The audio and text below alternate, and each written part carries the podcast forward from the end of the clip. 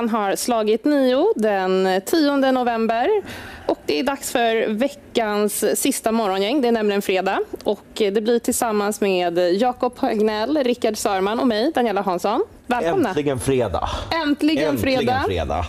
Är det så det känns? Eh, jo, För dig med? Ja, Ja. absolut. Jag är inte riktigt lika på G som Jakob är här. Vi hade lite hård musik innan sändningen här. Inte riktigt. Ja, men man måste komma igång här. Det, det, det är såna här, det är såna här förkylningstider nu, så jag har, har en sån här med också. Så om tit- tittarna är riktigt glada så... Um, nu ska vi inte göra någon produktplacering här nu, men om tittarna... eh, Ja, jag, jag ska väl undvika att spraya näsan här eh, samtidigt som vi sitter här i alla fall. Men det verkar ju som typ alla är förkylda här nu. Ja, Inget- inte jag, så jag håller mig på Ja, nej. Ja, okej, jag, jag, jag kommer skapa en pandemi här nu då. Så att det, Ja, nej, jag är frisk och mår bra. Jag är taggad på helg också dock. Och jag är också taggad på att dra igång med Dagens Nyheter, för vi har en del att gå igenom. Och vi börjar med Ebba Buschs debattartikel i Expressen eh, där hon uttrycker att eh, Sveriges största utmaning är kampen om vilka värderingar som ska definiera vårt samhälle. Och det konstaterar hon efter då, eh, de senaste veckornas antisemitiska demonstrationer då, på våra svenska gator och torg. Eh, och åtgärden då, det vill Ja, hon nej, ska det- vara utvisning. Ursäkta, jag avbryter det. Nej, det. Men eh, KD har väl något riksting nu som börjar också helgen. Ja, här. så att det, det, det är väl an- med anledning av det då, som att partiet samlas. Så passar hon på att markera. Och det hon skriver är ju alltså moral, värderingar och etik. Det har vi pratat väldigt mycket om i Sverige de senaste decennierna. Det har ju varit värdegrunder hit och värdegrunder dit och alla ska vara goda och alla ska göra rätt. Men Ebba Busch har ju ett annat perspektiv. Hon talar ju om det judisk-kristna arvet och den judisk-kristna etiken. Och det är ganska ja, radikalt om man får säga så, konservativ-radikalt. Då. Jag vet, inte- vet inte ens om Sverigedemokraterna talar så mycket om det här med det kristna arvet och så vidare. Utan här- Sverigedemokraterna är mer att Sverige ska vara Sverige för att vi ska känna oss trygga och hemma och vi ska odla vår identitet och vår kultur och sådär. Men här är det att det goda kommer från det kristna. Och är man inte kristen, ja då står man för något annat. Ganska eh, svårsmält för många på vänsterkanten, kan jag tänka mig. Jag, jag, ty- här, några grejer jag tänker på. Ena är ju att det, det är väldigt så här anglokonservatism det här. Du ser ju den anglosaxiska världen med judeo-christian values pratar man om. Och, eh, Mm. I Sverigedemokraternas fall, man pratar ju om den här öppen svenskhet. Ja. Och då kan man ju diskutera vad det inkluderas i den här öppna svenskheten. Och, eh, till exempel det här kristna. Så att, jag, jag skulle tro att Sverigedemokraterna har väl tangerat det här på något Mm. sätt utan att kanske strikt definiera och säga att det är den här anglosaxiska sy- synen på judeo-kristna värderingar. Det, Ja. Hon låter ju väldigt mycket som en amerikansk högerpolitiker Ja, för ett par år sedan. De nya amerikanska högerpolitikerna är ju eh, lite mer spe eh, speciella nu för tiden, Ja. får man väl kanske säga. Men vi har ju ingen riktigt stark kristen konservativ höger i Sverige. Nej. Eh, Så är det ju, så om man jämför med USA. Eh, Och eh, det, fin- eh, det finns ju mycket artiklar nu om Ebba Busch och Kristdemokraterna. Och det var ju en här i Aftonbladet som antydde att det pågick någon slags falangstrider också. Och där pratade man- man om en högerflygel och en vänsterflygel. Och det här språkbruket som Ebba Busch har i den här debattartikeln som väl var i Expressen, om jag håller reda på allt nu, den tyder ju på, det är mer ett högerspråk. Ja, Det är ju liksom inte att alla ska ha samma värdegrund. Det spelar ingen roll varifrån ni kommer eller vilken religion ni har. Utan i Sverige gäller de krist, judisk-kristna värderingarna som har den, det ursprunget. Eh, Och de andra har några andra värderingar. Ja, det är ganska hårt. Ja, och de värderingarna, de som har dem, de ska då utvisas menar hon. Nu blev det tyst. Eller har jag missuppfattat debatten? Nej, nej, nej, det har du inte gjort. Det- ja, det- det- det- Alla blev så paffa här, utvisningar liksom. Så här. Oj. Nej, nej, men... Eh, eh, Eh, Alltså, ja. Förlåt. Nej, säg det. Nej, säg det. Ta, ta det. Nej, men hon antyder väl det här då med de här demonstrationerna som har varit i Sverige. Man har firat eh, Hamas eh, terrorattacker. De här fruktansvärda bestialiska attackerna på, på civila. Och är det så att man stöder den typen av aktiviteter, då menar ju på, de skriver ju det om jag inte minns fel, att det skulle, ska kunna vara skäl till någon form av utvisning. Det ska ses som hatbrott helt Ja, enkelt. så var det. Ja, just precis. det. det var några formuleringar där mot slutet som var riktigt intressanta alltså. Eh, nu kommer jag inte ihåg dem exakt tyvärr. Men... Men jag, jag kommer ju osökt att tänka på den här de- debatten som blev om bristande vandel. Som fanns i Tidöavtalet. Och jag, jag, jag tycker väl att det, det intressanta som man har sett i borgerligheten här nu i samband med de, här demonstrationerna där det har förekommit antisemitiska slagord och budskap och man har hyllat det här terrordådet. Ehm, det, det är ju att även väldigt liberala, till exempel moderater, han, vad heter han, Oliver, eh, Oliver Rosengren, Rosenström, jag har glömt bort vad han heter. Han är gammalt kommunalråd från Växjö, Växjö har jag för mig han är. Nu sitter han i riksdagen. Ha, han själv skrev för några veckor sedan, ja, jag var själv skeptisk mot bristande vandel, men nu när jag ser det här, då köper Ja, jag ja. det helt. Eh, så på ett sätt är det ju intressant att borgerligheten kanske börjar anamma den politik man har förhandlat fram med Sverigedemokraterna Mm. om, om att det finns många människor i det här landet som på olika sätt är missanpassade. Och då, då menar jag ju inte bara för att de är ja, nu... Ja, terrorsympatisörer är ju en sak, men att man visar sin avsky vrede mot ett annat land som blir utsatt för ett terrordåd på Ja. de här sätten. Eh, Men givetvis är det ju så, det är ju ingen hemlighet, att vi har ju ett omfattande problem i Sverige med att det är väldigt många människor här som inte ska vara i Sverige. Som inte vill vara en del i Sverige och inte tänker bli en del av Sverige. Och där är ju det här bristande vandel. Ja, nu har ju Ebba Busch kanske försökt definiera det lite mer. Det är ju kallar lite luddigt. etiskt modersmål. Ja, det Man är behöver också, fastställa det, Ja. etiska modersmålet. Ja. Precis Ja. Och det ska grunda sig i kristen. Jag, hittade, jag hade faktiskt faktiskt eh, skrivit upp här den här formuleringen. Så här. Kristdemokraterna skriver Ebba Busch idag. Då. Kristdemokraterna kommer därför att driva på för att även brott som är längre ned på straffskalan ska kunna leda till utvisning. Och då tänker vi oss då personer som inte är svenska medborgare rimligtvis. Om personer ger uttryck för värderingar som inte hör hemma i Sverige. Hets mot folkgrupp och brott med hatbrottsmotiv eller hedersmotiv kan vara exempel på detta. Så, så då ska vi börja utvisa människor som ägnar sig åt hedersbrott till exempel. Ja, nej, men jag är ju jättepositiv till det. Att, eh, och det är ju dags för att det är ju en del av det som är Tidöpolitiken. Att, eh, ja, ser vi dagsläget, det kommer ju en ny rapport här från Migrationsverket och vi ligger ju dryga svängar runt 105 000 migranter beräknas komma det här året. Eh, om, om man då kan börja faktiskt utvisa människor som, är, som inte ska vara i landet och som är kriminella, för mig är det en självklarhet.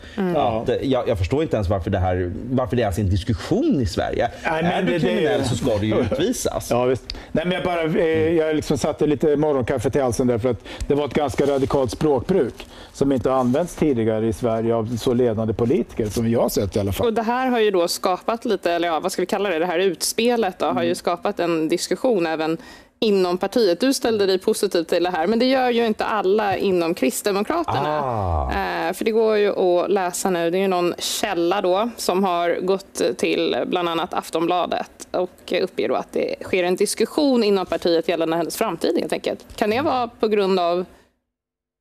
Alltså inte i den här artikeln, för den kom, den, artikeln, den kom men- efter att, eh, den där artikeln. Men eh, själva pr- problemet finns ju där inom Kristdemokraterna. Eh, sen vet man ju inte hur mycket Aftonbladet liksom har bestämt sig för. Vi skriver någonting om att det är splittring inom KD, det är jättekul. Eh, alltså hur mycket stämmer egentligen? Men det är klart att det finns en motsättning mellan de mer frikyrkliga kristna som har tagit emot liksom, afghaner och människor från Syrien och tycker att en kristen alltid ska öppna sina hjärtan och så vidare. Och så de här lite mer högerkonservativa som på olika sätt då, eh, driver en annan politik. Det där är ju två helt olika världar som ska rymmas i ett litet parti. Jo, nej, men, och det är ju det man har förstått. Till exempel någonting som fått många borgerliga och högermänniskor, mig själv inkluderat, är ju till exempel det här med biståndet. Ja. Att biståndet, visst man har ju stoppat den här, nu ska jag inte gå in på biståndstekniken här, men man har ju stoppat den här automatiska höjningen varje år. Men, men ändå så, betal, det är ju dryga 50 miljarder kronor som går iväg i bistånd. Och källor till mig gör gällande, och det här är sedan länge, att det, det är ju främst Kristdemokraterna som verkligen varit att vi vill ha biståndet. Att, och, och det är ju då den här ja, pingstkyrkorörelsen, eller vad man ska säga, som tycker att det är en självklarhet att vi ska ge bort 50 miljarder av svenskarnas pengar varje år. när vi pengarna behövs här i Sverige. är på riks ska vi säga. Ja, ja, ja, I vi- alla fall jag. Ja, fri- frikyrkorörelsen, eller vad man ska kalla det. Ursäk- ursäkta, Nej, men- biståndet kan, har vi ju, det kan ju diskuteras. Ja, Ja, mm. nej, men och där finns det ju det här att de agerar lite som en stoppkloss. Och jag, jag tycker det är ju intressant med just Ebba Busch som då kanske profilerat sig åt höger i partiet, men att ändå ha den här balansgången. Och det är ju väldigt otacksamt. Hon är inne på sitt nionde år nu som partiledare. Opinionssiffrorna är inte jättebra. De är ju på Liberalerna-nivåer, vilket får anses vara en katastrof. Ehm, och som du var inne på Daniela så, så märker man ju det här att hon börjar utmanas. Enligt Aftonbladet är det ju då en högerfalang som utmanar. Så det är ju inte vänsterfalangen som gör det. Och här kan jag ändå tänka att är det ett köttben Ebba slänger ut nu? För att blidka hö högerfalangen här, liksom att stå upp för det kristna och bra tydlig kommunikation i det hela. Ja. Jag, jag kommer osökt att tänka under korankravallerna, när hon, eh, det här som sen då eh, förfalskades i Sveriges Radio, det här om att skjuta, skjuta skarpt. Ja, just det, som Ebba sa. Ja, ja men det, det, var ett väldigt tydligt och, bra besked hon gav där. jag tror att man märkte att hon ökade opinionen efter det beskedet. Ja, ja, att när, när svenska poliser, hundratals poliser skadades i de här våldsamma kravallerna, och då sa ja men varför skjuter inte polisen skarpt bara? Mm. Och det, det gav ju det. Och där är ju Ebba Busch duktig. Hon, hon är ju duktig på det där sättet att nå ut med ett budskap skulle jag säga. Och sen, sen är det väl så här, Aftonbladets ledarsida brukar ju hatkolla på allt hon gör och sen ska de vara jättekritiska. Ja, visst. Eh, mm. Men men sen är ju den här realiteten. Men kommer det här bli en verklighet? Då? Retorik är en grej. Du kan absolut snacka. Ja. Men kommer vi se fler utvisningar? För för stunden är det ju motsatt riktning. Vi har 105 000 migranter beräknas komma i år. Ja, men inklusive studenter och grejer. Så att... Jo, jo, men det är, det, är, det är ganska många ändå skulle jag säga. Ja, visst, absolut. Mm. Ja, nej, men det, det, de har lite problem med Kristdemokraterna och eh, de är ju så små. Eh, och, eh, alltså, jag tror att det var lite märkligt med den här artikeln om de här falangerna.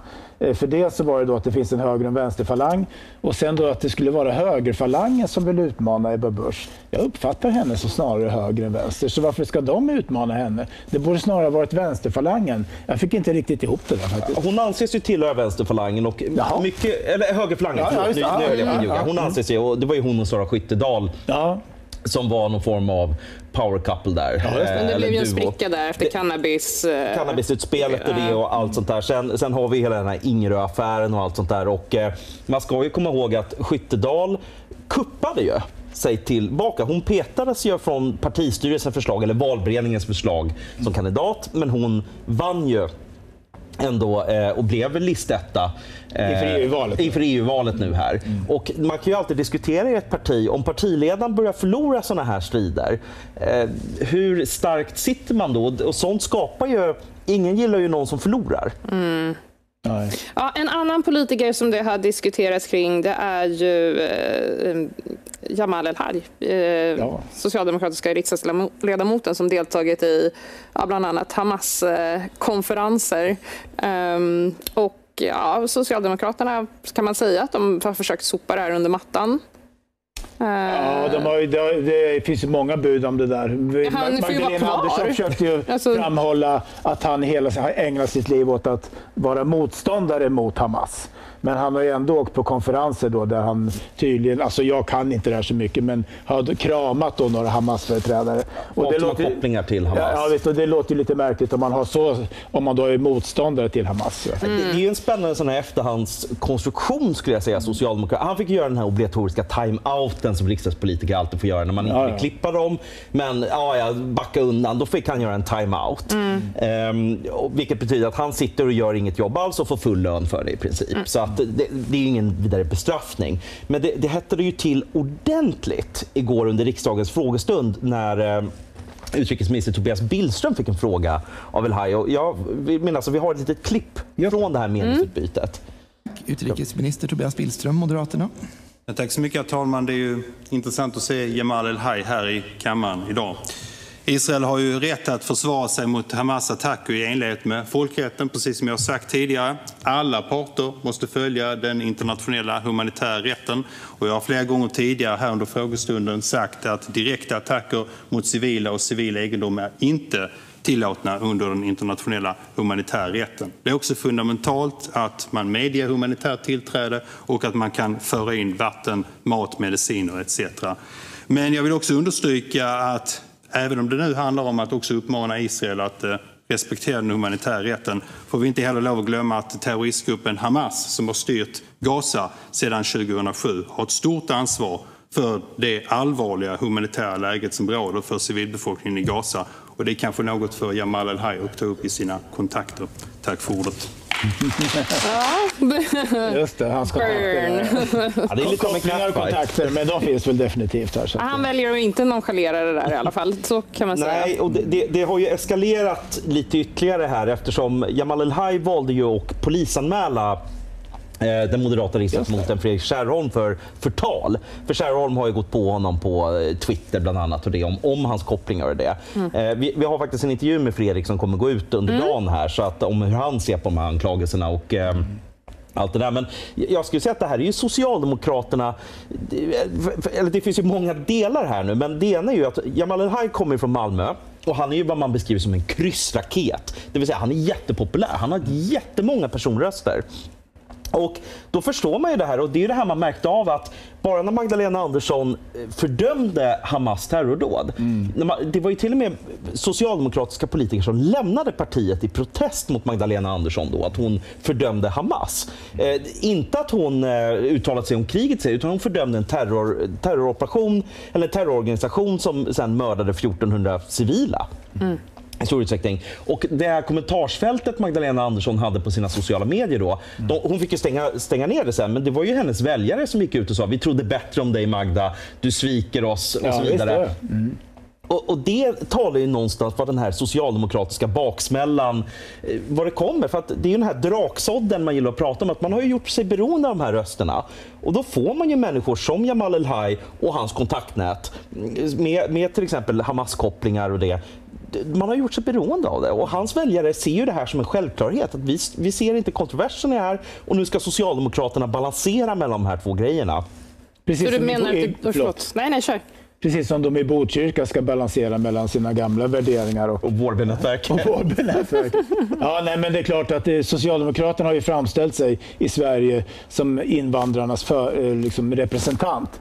För invandrarna ska då vara, speciellt om de kommer från Mellanöstern, Afrika och tidigare Chile och sådär, de ska ju vara underdogs då. Liksom. De är offer för den stora onda västerländska kapitalismen och så vidare och dess eh, olika förgreningar. Och därför så ska de komma in under Socialdemokraternas, i deras stora famn. Men då får de in saker också som kommer att bli problem och det är det vi ser nu. Mm. Så är det. Och det här är hopplöst för Socialdemokraterna de kommer att splittras på sikt, tror jag. Eller att det blir mycket, mycket mindre. För de kommer inte att kunna stå på våra båda benen. Mm. Antingen så tar man ställning för det västerländska samhället, för det, det vi tror på, det vi är, eller också så, så gör man det inte man kan inte göra både och. Alltså. Så, så, du menar att det är en konfliktyta här mellan Ebba Buschs eh, etikmoralism och ja, eh, Magdalena Anderssons... Eh... Ja, ja, men det är väl lite men Vi har sagt i flera olika inslag här att det här som händer i Botkyrka, att Socialdemokraterna splittras där, det är så symptomatiskt. Det kommer att ske på fler ställen. Möjligtvis i Malmö snart. Eh, om det börjar bli skåningar som tröttnar på att vara talespersoner för ett nytt eh, muslimskt Malmö, som de inte har någonting med att göra. Möjligtvis, jag bara spekulerar. Jag känner Stor, inte till. Stora problemet där i Malmö, alltså för det, det är ju där demografin kommer in i bilden. Ja, just att Malmö är ju en förändrad stad och det, och det man märker av är att det är en stor utflyttning till kranskommuner. Så att, ja. Ja, både svenskar och, eh, ja, jag vet inte om skåningar blir arga om jag kallar dem för svenskar nu. Ja. Eh, som flyttar ut till kranskommuner och även de invandrare som etablerar sig och ja. liksom lite, flyttar ju ut från Malmö. Mm. då får man ju kvar det här, ja vad ska man säga, det, det är ju bara att kolla till exempel de här områdena där det har skett korankravaller. Socialdemokraterna brukar ha ett 90-procentigt valstöd där. Ja, Tror du att det alltså gör att de kommer fortsätta att eh, blunda för det här? Och inte, de agerar ju inte. Eh, ja, jag tror absolut de blundar, kommer behöva blunda för det här. För att de kan inte splittra sin bas. Socialdemokraterna är jätteduktiga på det här att sätta ihop olika förgreningar och organisationer. Ja. Ehm, fram tills det inte går, som vi såg i Botkyrka, att det blev lite väl mycket gängkriminalitet och korruption. Och då, och då ser vi att det började vittra sönder väldigt snabbt. Men de är fenomenala på att hålla ihop det här och eh, det, det, är väl just det här hur de sen är kapabla att rida ut vågen, stormen, kritikstormen. Mm. Och där, där kan man ju diskutera om den moderata, för det är ju främst Moderaterna som varit väldigt på här nu, mm. eh, om Jamal El-Haj och det. Men uppenbarligen är inte det någonting som bekommer de socialdemokratiska väljarna. De börjar prata om anständighet, är det här rimligt eller inte? Och Magdalena Andersson Ja, hon, hon skiter i det helt enkelt. Det beror lite på hur det går i opinionsmätningar också sådär, och hur mycket kritik de får och sådär från egna håll också. Det är nog inte så att alla socialdemokrater älskar att man har med Hamas och, och palestinier och Vårbynätverk och allt det här att göra. Liksom. Så att det, det blir nog inte så lätt i alla fall, tror jag inte. Nej, nej jag, jag tror det är ett långsiktigt mm. fundamentalt problem för Socialdemokraterna. Mm. Men sen får man väl också tänka sig att de är i opposition nu ja, och då sluter sig partiet. Att nu, ja, nu, jo. nu ska man slåss ja. mot den onda högern, ja, SD-regeringen, Tengels arméer eller Mordors Orcher eller vad som helst man slåss mot nu. Mm. Och, och, då håller man ju internt. För För det märker man att Socialdemokraterna är ju duktiga på att hålla internt i partiet.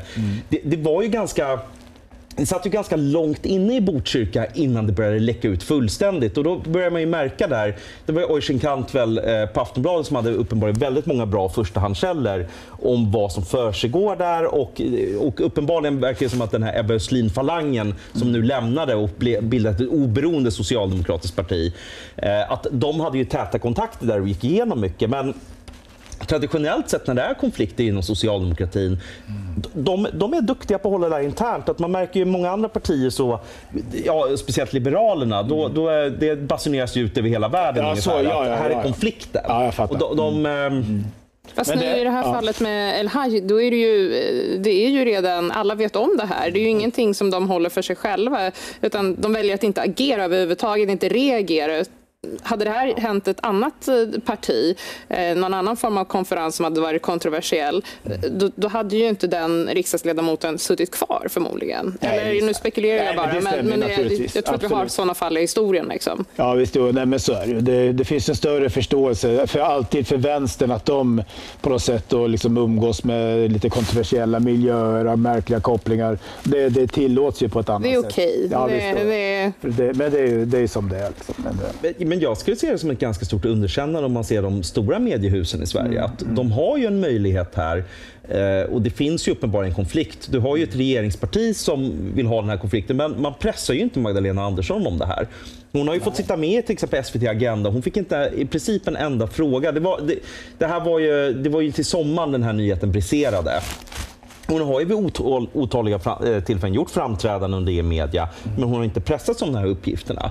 Ehm, om man till exempel kommer ihåg hur, nu, nu är det inte så att jag sitter och gråter och säger haha, se, eller media är eh, vänstervridna eller något sånt där. Att, att det är väl bara att konstatera att så ligger det till.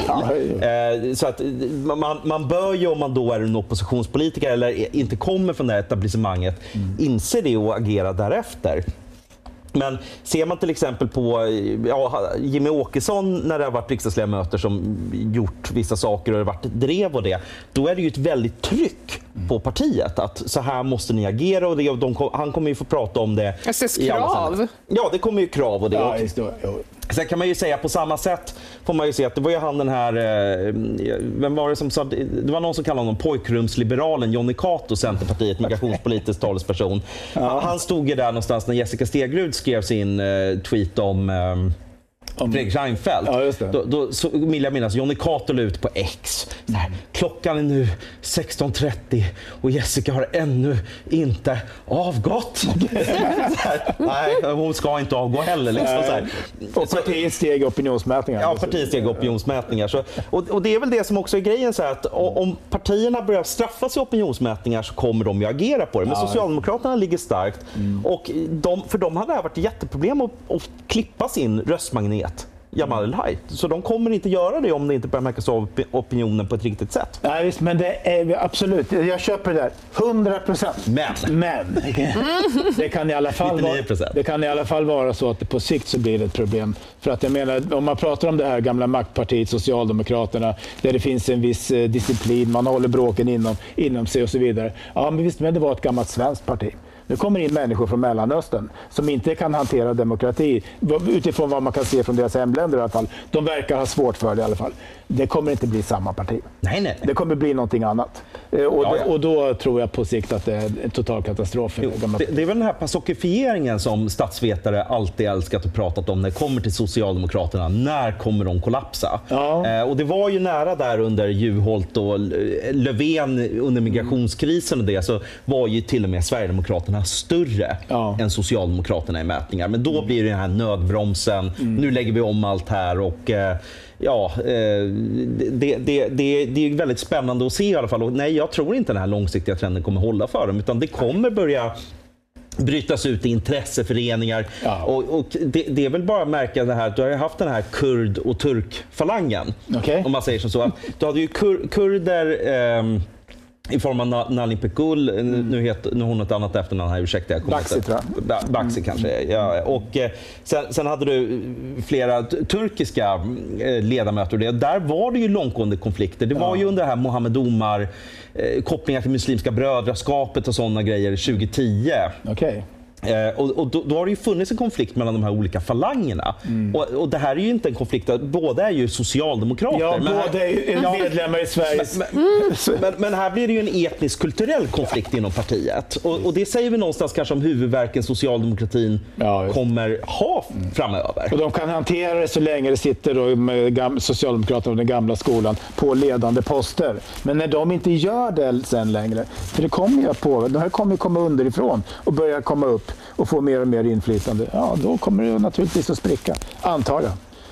Mm, Vad var det... vi började prata? Just det var Jamal El mm. Ja, det återstår att se i alla fall. Eh, vi ska gå över till eh, den sista nyheten som handlar om någonting helt annat. Eh, det är nämligen så att Kungliga Automobilklubben, KAK, rasar mot eh, nya EU-regler mm. som säger att den som äger en gammal veteranbil kan tvingas att skrota den Jaha. Och det gör ju då KAK väldigt upprörda. Vad har Bryssel nu hittat på? Ja, men EU-kommissionen har ju då kommit med det här förslaget som en hantering av uttjänta fordon, kallar de veteranbilar för. Då. Det ska, så fort när inte bilen går att använda längre, då ska den klassas som avfall.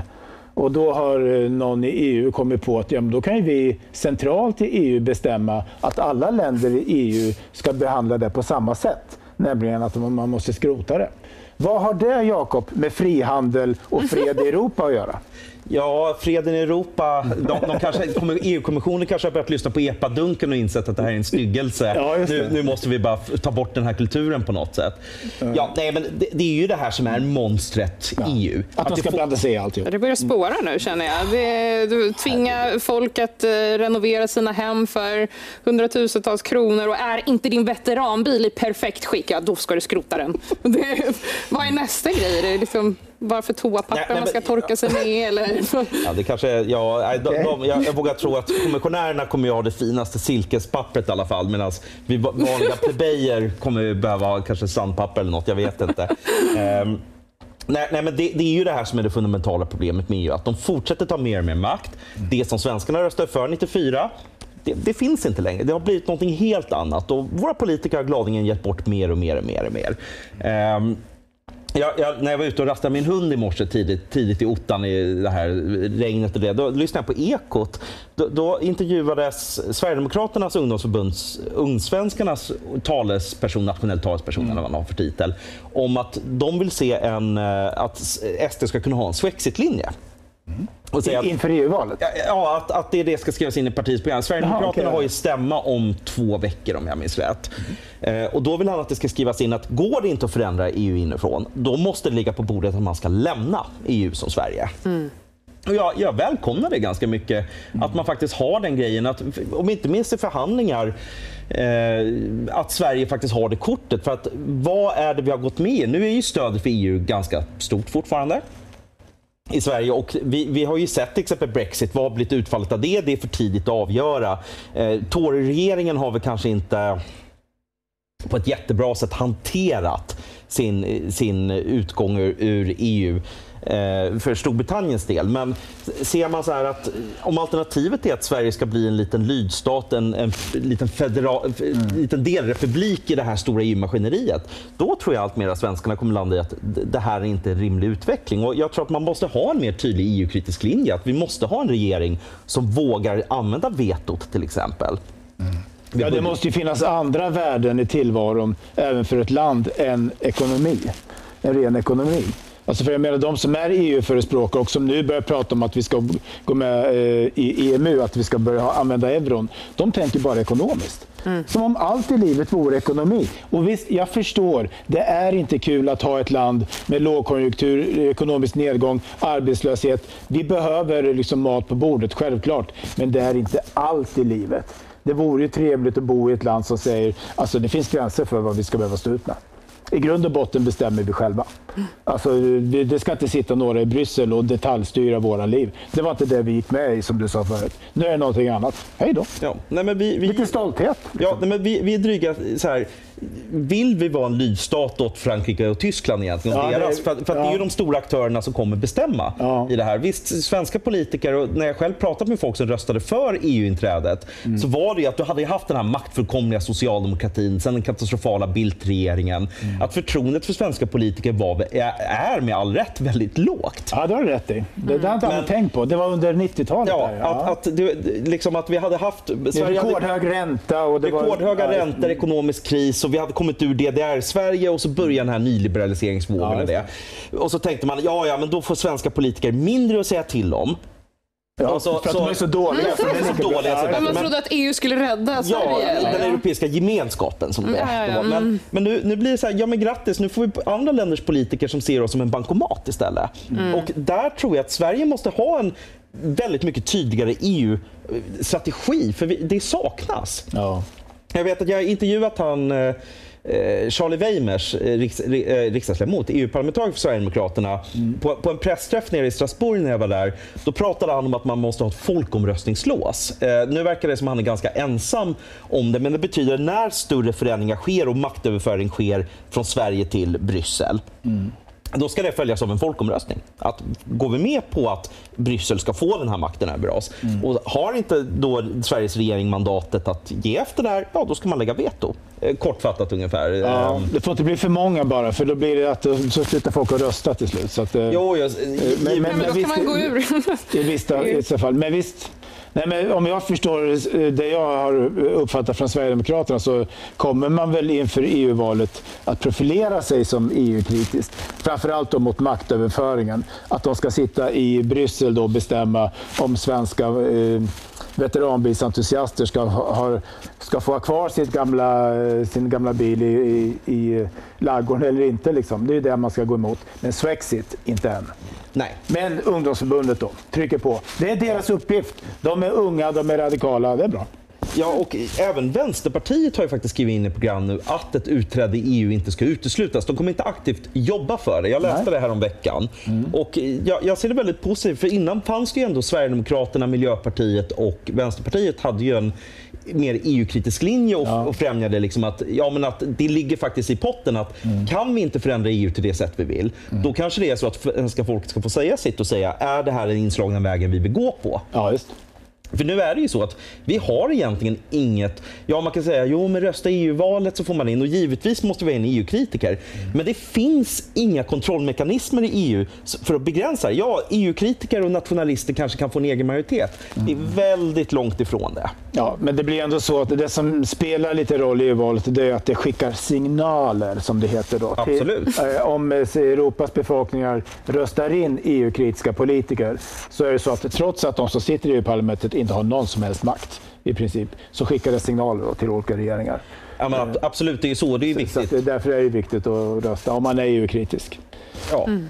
Ja, men- Men, men det, det, är så, det här är ett jätteintressant ämne för det, tydligen är det så att många en, re, eh, regeringar nu runt om i Europa de börjar ju bli lite mer skeptiska mot migrationen. Vi pratade väl om det igår här tror jag. Att man nu i Tyskland till exempel börjar vända sig mot migrationen. Italien ordnar migrantläger i Albanien och så vidare. Men EU centralt som organisation, de lever fortfarande kvar i det gamla. För där, är- där är det liksom trögare att få in nytt folk.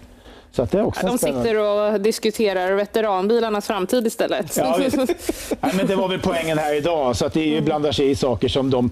i- Alltså om EU ska vara en zon för fri rörlighet för kapital och arbetsmarknad och stud- studier och så vidare. Ja visst, det låter väl bra. Men varför ska de in och detaljreglera hur vi ska leva? Ja, men det är ju, EU är ju något monster av så här franska byråkrater och Ja. eh, det, det blir det här klägget som kommer in eh, och det, det sväller bara sig själv. Att jag tror inte det är någon som egentligen motsätter sig ett mellanstatligt samarbete där man sätter upp riktlinjer för frihandel eh, och eh, även då till viss del fri rörlighet. Sen tycker inte jag det är så fruktansvärt om jag måste behöva visa mitt pass. Om det kan stoppa att vi får in kriminella så Ja, ja, nej, absolut. nej, nej, absolut då, då kan jag leva med att jag måste visa mitt pass. Ja, visst. Ehm, Mm. Nej, men det är den här diskussionen som finns så mycket på nätet om globalister och så vidare. Alltså det här. Och då är det så att det, man behöver inte ha några konspirationsteorier för att konstatera att har man stora organisationer som eh, EU, FN och så vidare, då blir det så att de tenderar att naturligtvis vilja liksom ha lite kontroll eller vilja samordna, likställa.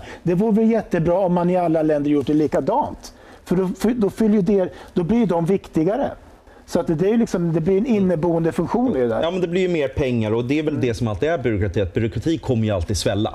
Ja. Eh, när, när du får möjlighet. Då kommer det alltid bli mer och mer byråkrati. Och EU ser ju Ja. exakt det. Skälet och nu, nu ska man ju börja man ju prata om att man kommer börja införa EU-skatter. Det vill säga på finansiella transaktioner. Det är ju inte en skatt, det är en avgift. Mycket värt att säga. Man ska. Alltså det är inte skatter. Nej, nej, nej. Och Det är ju så här de kommer bygga mer och mer och mer. Eh, och ja, Man ska ju komma ihåg att i princip alla svenska partier, jag tror det var Sverigedemokraterna sa ju absolut nej, sen tror jag Vänsterpartiet också sa nej, var ju helt positiva till att ge bort 150 miljarder kronor i, i en stor skuldsättningsfond eh, för, till Europa. Den här så kallade coronafonden. Där svenska politiker hade inga problem och det var ju Socialdemokraterna som eh, röstade för, drev på där. Moderaterna och KD la ner sina röster. Men Ja. de hade inga problem med att ge bort 150 miljarder av våra pengar i, och skuldsätta oss till det som nu gör att EU-maskineriet kommer svälla ytterligare. Men låt säga att det var så här då, eh, vilket det kanske var. De hade problem, det vill säga det fanns en del skepsis bland svenska politiker, men de gjorde det ändå. Det är inte det nästan ännu värre? Jo, jo, det, det är mycket värre. Det, Det vill säga att man tänker det här är ingen bra idé, för det är våra pengar och de kommer försvinna bort ner till Spanien och Italien och andra länder. Men vad kan vi göra? Hej, varsågoda. Det är nästan ännu värre.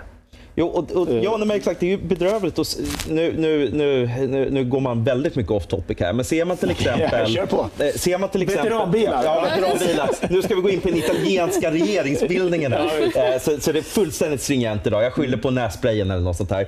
Ja, men ser man samma grej som i Italien till exempel, att de röstar ju fram diverse missnöjespartier, nationalister, vänsterpopulister, vad som helst. Men i slutändan blir det så att deras röst spelar ingen roll, det italienska folket. För att Italien har försatt sig i en situation att de är så pass beroende av EU-pengar, så de kan inte göra vissa reformer av sitt land. Och då, då blir det det här ständiga att ehm, nu har det ju egentligen nationalister i form av Giorgia Meloni, eh, Lega och eh, Silvio Berlusconis gamla parti. rätt. De har ju en majoritet och de har en strikt invandringskritisk linje och det. Men- det funkar inte och mycket är ju att de är beroende av smulorna från EU. Att Annars kommer inte ekonomin gå ihop. Och det, det isidosätter ju det här demokratiska legitimiteten i valen.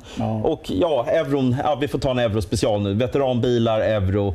Nej, nu, nu får vi lugna ner oss här. Alltså, när, när, när vi fick ett nej i folkomröstningen till euron, trots att hela etablissemanget var för, då gick jag ut på balkongen och skrek leve demokratin. Det är sant, jag gjorde det. Det var så underbart alltså. Att svenska folket för en gångs skull sa nej till vad etablissemanget ville. Och, och det är ju det jag tycker är skrämmande när när man ser den här debatten till exempel. att Jag för mig var några liberaler bara, nej men vi behöver inte ta en folkomröstning med euron, det kan vi ta ett riksdagsbeslut Ja, på. det Inget problem. jag självklart. Och, och, liksom så här, den här arrogansen bland svenska politiker, eller politiker generellt, Mm. att folket är ju bara något onödigt ont du måste ha var fjärde år och rösta om fel får du ta in ett annat folk.